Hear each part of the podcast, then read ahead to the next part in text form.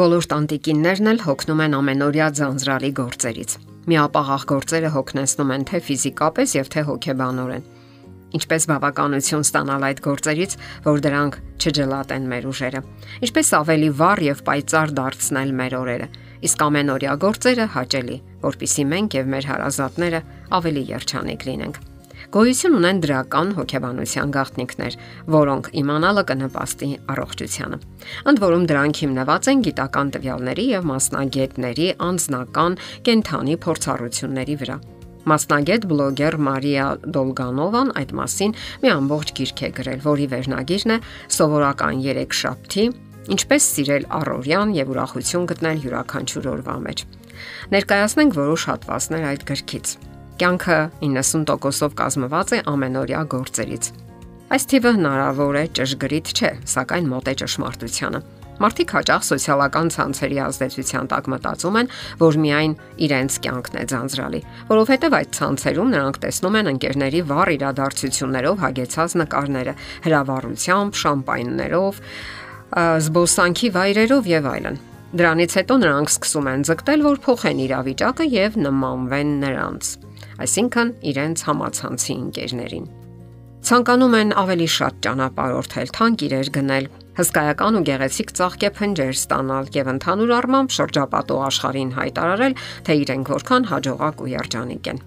եւ բնականաբար մտածում են, որ ամենօրյա միապաղաղ գործերը կարիք չկա գցելու սոցիալական ցանց։ Հարկավոր է շատ արագ անել դրանք, չմտածել այդ մասին, մոռանալ, արագ պատրաստել ճաշը, արագ մաքրել տունը, զբաղվել երեխաների հետ, ապա նրանց արագ քնեցնել, պահարանների մեջ տեղավորել, դասավորել մաքուր արթուկված հագուստները եւ այլն եւ այլն։ Թվում է, որ մթերքներ գնելը, կեղտոտ ամաններ լվանալը կամ տուն մաքրելը բավականություն չեն կարող պատճառել։ Դրանք անհրաժեշտ շարժումներ են, անհրաժեշտ գործեր, որոնք հարկավոր է պարզապես կատարել սեղմելով ատամները։ Հաշտվել ու դիմանալ այնքան ժամանակ, քանի դեռ ավելի լավ բան չի սպասվում։ Հասկանալի է, որ այսօր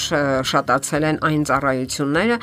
որոնք վերցնում են այդ հոգսերը ընտանիքից, սակայն ամեն մեկը չէ, որ կարող է իրեն թույլ տալ այդ ճոխությունը, որովհետև դրանք բավականին գումար արժեն Եվ կյանքում այդ ձանձրալի գործերը մշտապես մնում են տանտիկինների վրա, որոնք հնարավոր չէ իհարկե դնել մեկ ուրիշի ուսերին։ Իսկ հնարավոր է արդյոք այնպես անել, որ ոչ միայն դրանք չընկալենք որպես պատիժ, այլ անգամ բավականություն ստանանք դրանցից։ Կարող ենք սովորել չժխտել նման զբաղմունքները, այլ դրանք ընդունենք ու կատարենք ուրախությամբ։ Որն է ամենօրյա գործերի իմաստը։ Լսենք հետեւյալ առակը Մի անգամ մի ճանապարհորդ տեսնում է, որ 3 բանվոր լեռնի վեր քար են բարձրացնում։ Ինչ ես անում, բարեկամ, հարցնում նա առաջինին։ Դու ինչ է չես տեսնում, պատասխանում է բանվորը։ Քար եմ քարշ տալիս։ Այդ նույն հարցը ճանապարհորդը տալիս է երկրորդ բանվորին։ Ես իմ ընտանիքի հանապազորյա հացն եմ վաստակում պատասխանում է նա։ Այս աշխատանքի համար լավ են վարչատրում։ Եվ վերջապես ճանապարհորդը նույն հարցը տալիս է երրորդ բանվորին։ Ես տաճար եմ կառուցում, հպարտությամբ պատասխանում է Մարթը։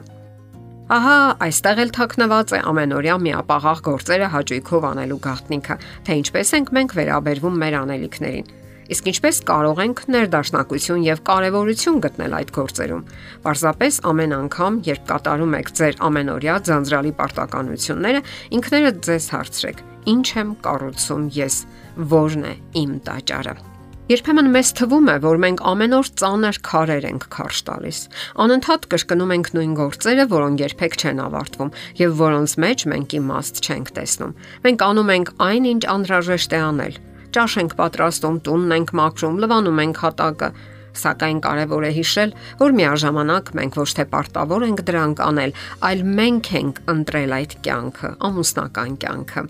Դրանք համապատասխանում են մեր ընտրած արժեքներին։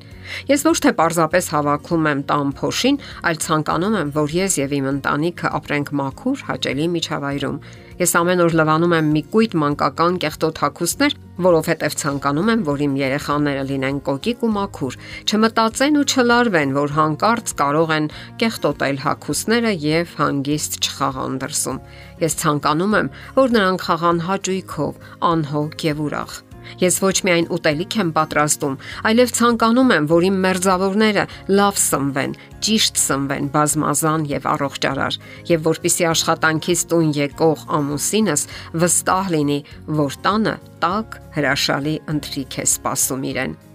Ահա նաև այստեղ կարող ենք կիրառել մեր արժեքները, ոչ թե ձանձրանալ ու տարապել, այլ գտնել դրանց իրական իմաստը, որ դրանք անհրաժեշտ են բոլորիս։ Այսքանով իհարկե չի ավարտվում ամենօրյա գործերը հաճելի դարձնելու եղանակների վերաբերյալ մեր զրույցը։ Այն կշարունակենք հաջորդ հաղորդման ընթացքում։ Դե ինչ եղեք ուրախ եւ բավարարված։ Եթերում է ընտանիք հաղորդաշարը։ Հարցերի եւ առաջարկությունների համար զանգահարել 033 87 87 87 հեռախոսահամարով։